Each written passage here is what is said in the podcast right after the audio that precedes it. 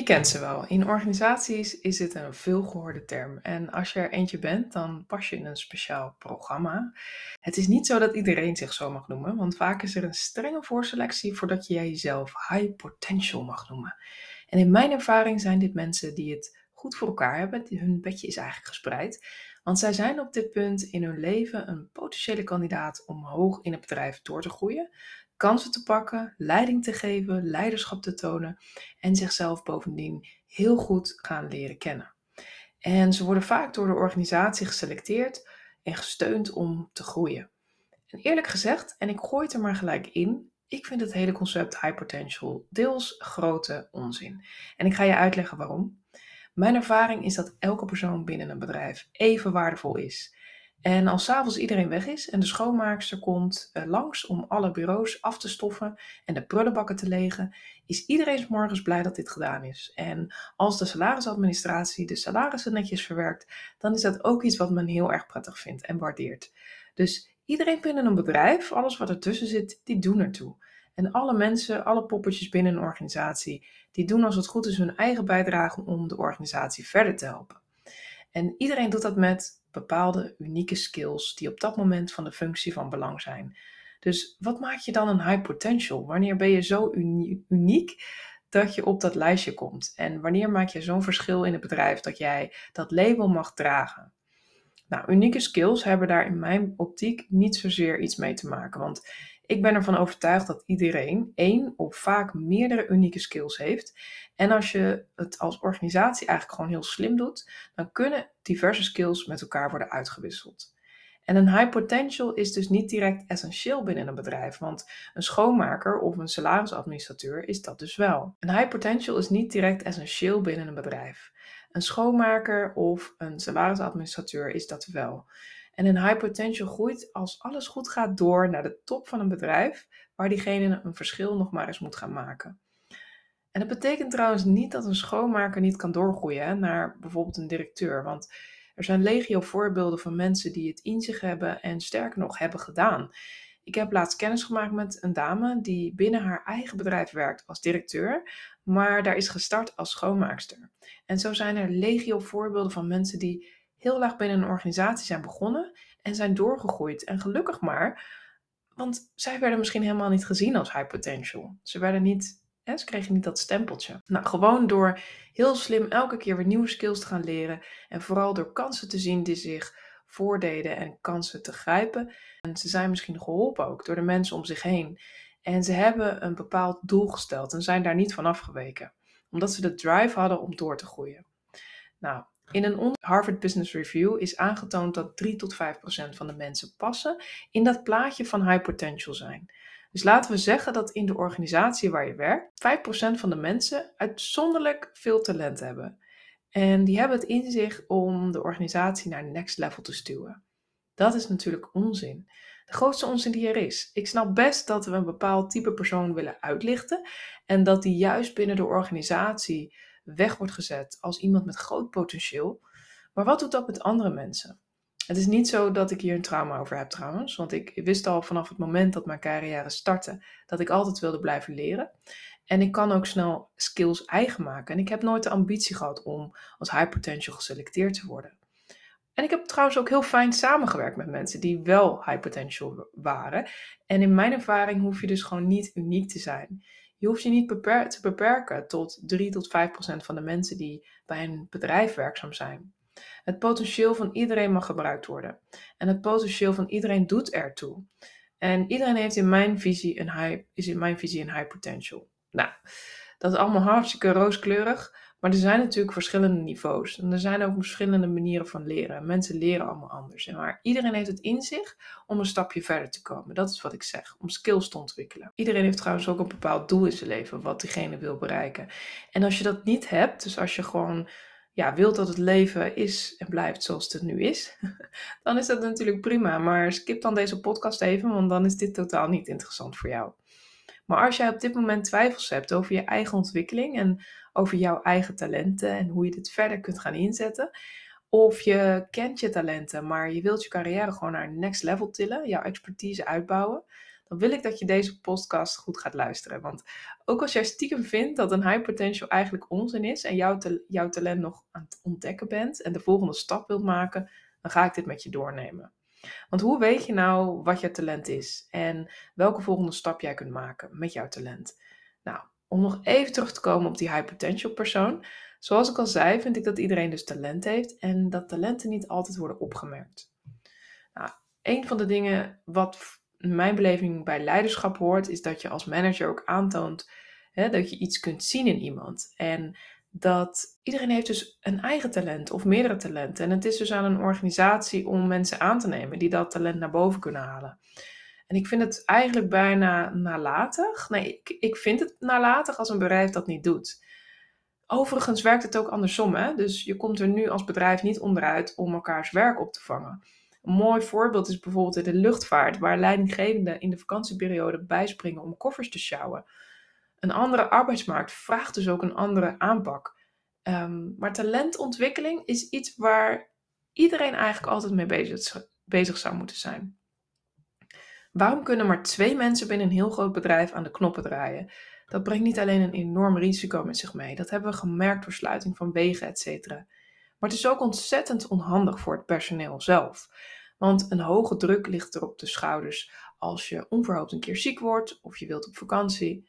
En de boodschap is dus: ga veel meer skills uitwisselen. Wees open over hoe je iets doet. Zet het op papier en leer het elkaar. En als je het hebt over welk type mens past dan in het plaatje van een high potential, dan heeft dat niet zozeer te maken met bepaalde skills. Ik denk dat, dan heb ik het over het algemeen genomen, als je binnen bedrijven gaat kijken welke mensen als high potential worden bestempeld, hè, dus mensen die dat stempel opgedrukt krijgen, dat zijn 9 van de 10 keer een aantal stereotype personen. En door de jaren heen heeft zich dat absoluut positief ontwikkeld. Maar wat ik vooral heb gezien is dat mensen die worden gestimuleerd om door te groeien, er vaak op dezelfde manier uitzien en op dezelfde manier zich gedragen. Het zijn ook vaak jongere mensen. Hè? Dus ik denk dat er een hele grote groep is van 45 plus die niet dezelfde kansen krijgt of heeft gekregen en zich een broertje dood ergeren aan de jonge high potentials die worden binnengesleept, die het maar eventjes moeten gaan vertellen en die hun leiding gaan geven. Terwijl zij al jarenlang binnen de organisatie werkzaam zijn. En denk ook maar eventjes aan reclames voor ondergoed. En dat is een beetje een raar voorbeeld in deze, maar um, het zijn vaak niet de mensen die maat XL hebben. En waarom niet? Want zij dragen ook ondergoed, toch? Nou, stereotype mensen die bestempeld worden als intelligent en knap zijn in mijn idee vaker high potential. Dus onzin natuurlijk, maar in grote lijnen is het vaak wel het geval. En bij anderen die dat niet zijn en daarom misschien wel een terechte verontwaardiging hebben, want waarom word je niet uitgekozen? Waarom krijg jij dat stempel niet? Waarom krijg jij diezelfde kansen niet? Ik ben ervan overtuigd dat een hoop organisaties de skills en talenten van mensen die je in huis hebt, op dit moment niet volledig benut. En de vraag is dus eigenlijk: zouden we niet alle individuele talenten van personen beter moeten benutten? En zeker op een arbeidsmarkt die al krap is, want op dit moment in het jaar waarin ik deze podcast opneem, hebben we te maken met een krappe arbeidsmarkt. Mede door vergrijzing, door corona. Nou goed, in mijn beleving is een tekort hebben aan bepaalde skills binnen je bedrijf gewoon heel slim op te lossen, deels hè, door talentontwikkeling bovenaan het lijstje te zetten. En in plaats van te zoeken naar de perfecte persoon, het perfecte plaatje, is kijken naar wat je in huis hebt. En niet kijken van wat heb ik niet. En ik snap oprecht dat je als je een vacature hebt openstaan, dat dat dringend is. Want jouw personeel leidt er ook onder. Op het moment dat er een vacature openstaat, zij moeten tenslotte dat gat dichten tot die tijd. Maar wat ik dus zeg is, kijk ook naar de talenten die je nu in huis hebt. Notabene al binnen je bedrijf hebt rondlopen. En als je binnen zo'n bedrijf werkt, wat dus niet jouw talent ziet, dan herken je dit. Hè? Dan weet je, uh, dan voel je op dit moment dat dat inderdaad bij jou ook speelt. dus ken je als bedrijf überhaupt de talenten van individuen die voor jou werken? Want hoewel Pietje Puk dus hartstikke goed zijn werk doet, betekent dat niet dat het jaren achter elkaar moet doen of wil doen, uh, omdat diegene daar goed in is. Diegene heeft misschien heel andere ambities of dromen. En op het moment dat jij van dat plekje wisselt, heb ik daar weer een gat op te vullen. En zo blijven ze in dat cirkeltje ronddraaien. En zo blijven medewerkers ook weggaan, omdat ja, jij hebt dan niet het gevoel dat je ertoe doet. Dat jij een groei kan doormaken bij dat bedrijf. Dat je iets toe te voegen hebt. En je hebt niet het gevoel dat dat bedrijf jou 100% serieus neemt in je ambities en je leven. Een Amerikaanse ondernemer en tevens een vriendin van mij die ontzettend strikt is met wie zij in haar team aanneemt. Van haar weet ik dat ze mensen aanneemt op basis van wie ben je als persoon? Hoe sta je in het leven? Wat zijn jouw doelen voor de korte en lange termijn? En skills zijn ook belangrijk, maar net iets minder belangrijk dan de attitude die iemand heeft. Dus iemand zijn gedrag en iemand zijn zijn, ja, hoe die persoon in elkaar zit, dat is minstens zo belangrijk. En als we op die manier mensen zouden aannemen en zorgen dat er binnen het bedrijf een goed systeem is om skills te leren en door te ontwikkelen, dan heb je medewerkers binnen je bedrijf zitten die bij jou blijven. Die, uh, weet je, bij jou blijven omdat je gewoon een prettige werkgever bent. En bij jou blijven omdat je eigenlijk meer bent dan een werkgever. Je bent onderdeel van hun leven. En nu ga ik heel ver, maar mijn vriendin die gaat zelfs zo ver dat zij gewoon bevriend is met haar team. Ja, haar team helpt elkaar gewoon vooruit. Het zijn gewoon eigenlijk een, is het een grote groep vriendinnen. En je hebt dus medewerkers in dienst die ontzettend veel willen leren, kunnen leren, om jouw bedrijf verder te brengen. Nou, nu ga ik eigenlijk een beetje te veel uitweiden voor bedrijven ook, sorry, maar ik coach ook bedrijven, dus vandaar dat ik daar gepassioneerd over ben. Maar de vraag is dus, zouden we niet alle individuele talenten van personen moeten benutten? Want vaak zijn bedrijven toch niet zo ver dat ze net als mijn vriendin het potentieel talent van mensen zien. En ook van mensen die in je organisatie werken volledig benutten. En dat is precies de reden waarom jij en ook ik en ook anderen met ons een grote verantwoordelijkheid hebben en houden. En dat is namelijk, wij moeten heel helder hebben, één, wat onze talenten zijn. Dat is echt onze taak, om glashelder te hebben wat onze talenten zijn. Wat is ons uniek talent? En twee, waar willen we naartoe groeien? En om dat ook uit te durven spreken.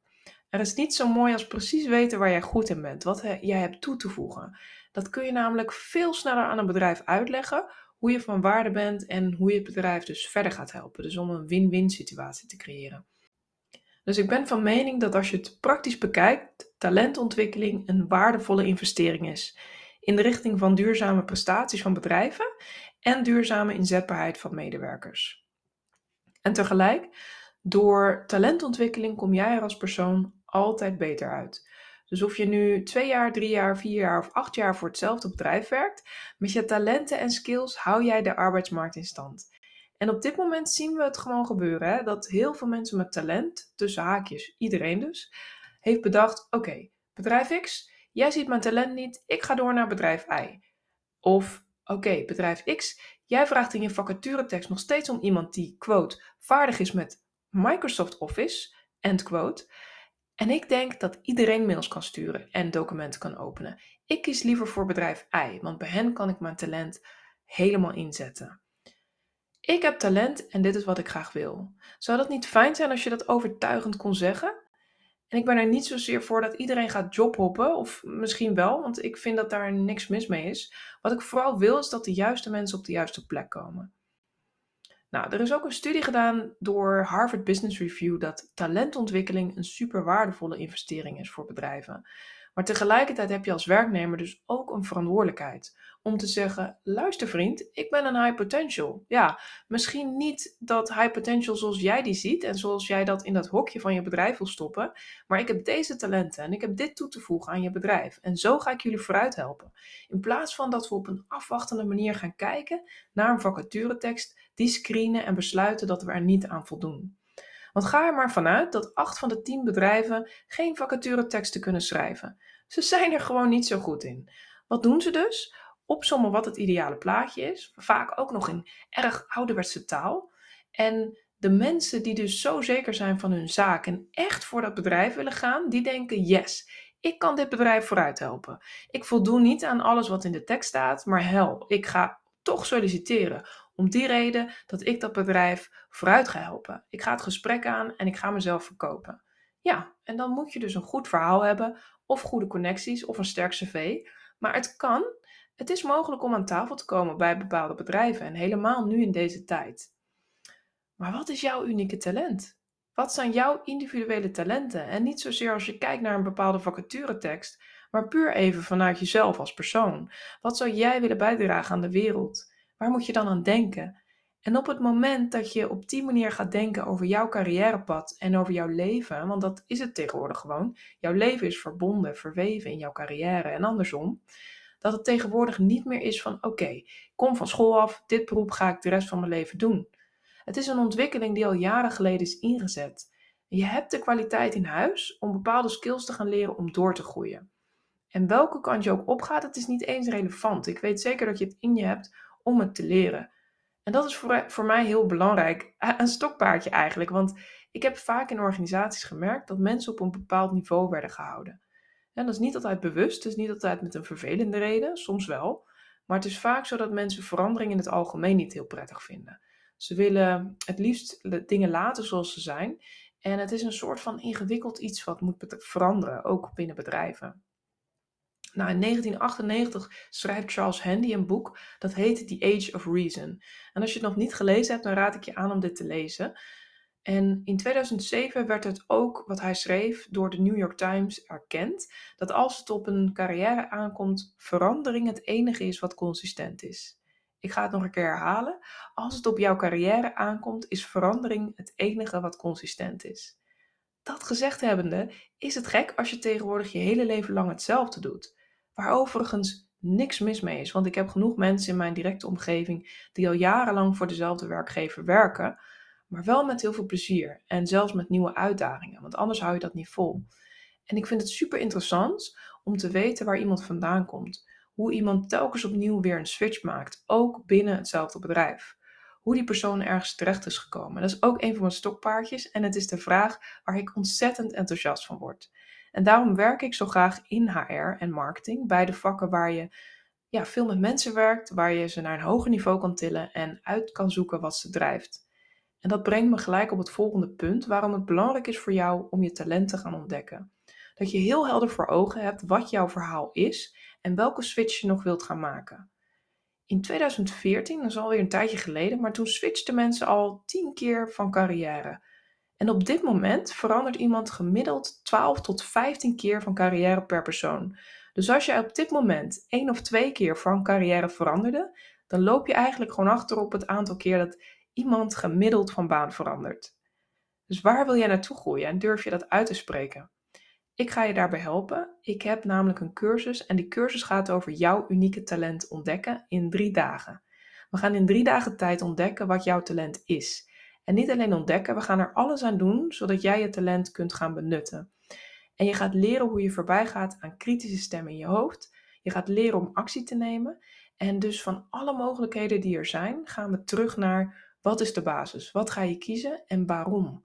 Want misschien verander je wel van baan, misschien switch je naar een totaal andere carrière, misschien wil je een bedrijf starten of je blijft nog even zitten waar je zit, maar hoe dan ook, bij elke verandering in je leven komen bepaalde onzekerheden kijken en die vragen weer andere dingen van je. En misschien heb je helemaal geen ervaring, misschien heb je juist heel veel ervaring of een beetje, maar je vraagt je altijd af, ja, doe ik er wel toe? Doe ik er wel toe met mijn skills? En is er niet een snellere manier om te komen waar je wil zijn? Dus als je nu blijft hangen, dan raak je op een gegeven moment een beetje gefrustreerd door jezelf. Door je lek in focus, zelfvertrouwen en het gevoel van, ja, ik wil iets anders, maar wat dan? Dus ik ga je leren hoe je die transitie gaat maken, hoe je nieuwe kansen voor jezelf creëert en welke stap je eerst neemt en daarna. En allemaal om uiteindelijk succesvolle switch te maken. Ik wil je uitdagen om in ieder geval, als je meer informatie wilt over de cursus, te gaan naar mijn salespagina. Ik zet deze ook in de show notes met een linkje. En als je struggelt met de gedachte, ik heb hier echt geen tijd voor, dit gaat me niet lukken, of ik ben niet zo goed dat ik mezelf expert kan noemen, of je twijfelt of dit het juiste moment voor je is, dan heb ik een superleuke weggever voor je gemaakt en nodig ik je uit om mijn PDF, de 12 beperkende gedachten en hoe je ze ombuigt, te downloaden. En wat je ook doet, ga alsjeblieft geen persoonlijkheidstest doen online. Want weet je, tegenwoordig zijn er zoveel dingen die je kan doen, zoveel mogelijkheden. En zeker als je een eigen bedrijf gaat starten of een eigen bedrijf hebt, ja, dan heb je ontzettend veel mogelijkheden. Die zijn oneindig. Maar in mijn cursus, en daarom is hij zo uniek, gaan we juist uit van jouw eigen intuïtie en jouw eigen kracht. Want op die manier ben ik ervan overtuigd dat jij straks iets gaat bijdragen aan de wereld met jouw unieke talent. Ja, dus ga even naar mijn website om deze weggever te downloaden. Ik ben heel benieuwd welke vervolgstappen jij gaat zetten. En ik raad je aan om deze podcast, maar ook mijn social media in de gaten te houden, want er komen ontzettend leuke dingen aan die jou helpen bij een switch te maken. Jij en jouw potentiële hoge zelf. We gaan je helpen om jouw talent te ontdekken en ik ben super enthousiast om al deze dingen te gaan brengen. Oké, bedankt voor het luisteren van deze podcast. Ik wil je vragen en aan te raden uh, aan iemand in jouw omgeving. En gun het ook dat deze persoon het unieke talent in zichzelf gaat ontdekken. En als je een review wil achterlaten, zodat we nog meer mensen bereiken, dan ben ik je daar heel erg dankbaar voor. Cool, we gaan een einde hier aan breien. Dit was mijn allereerste podcast en ik ben blij dat jij erbij was om deze te ervaren. Je kunt mij vinden via Instagram, Sionah Landveld en op LinkedIn, slash Sionah Landveld. Tot de volgende aflevering.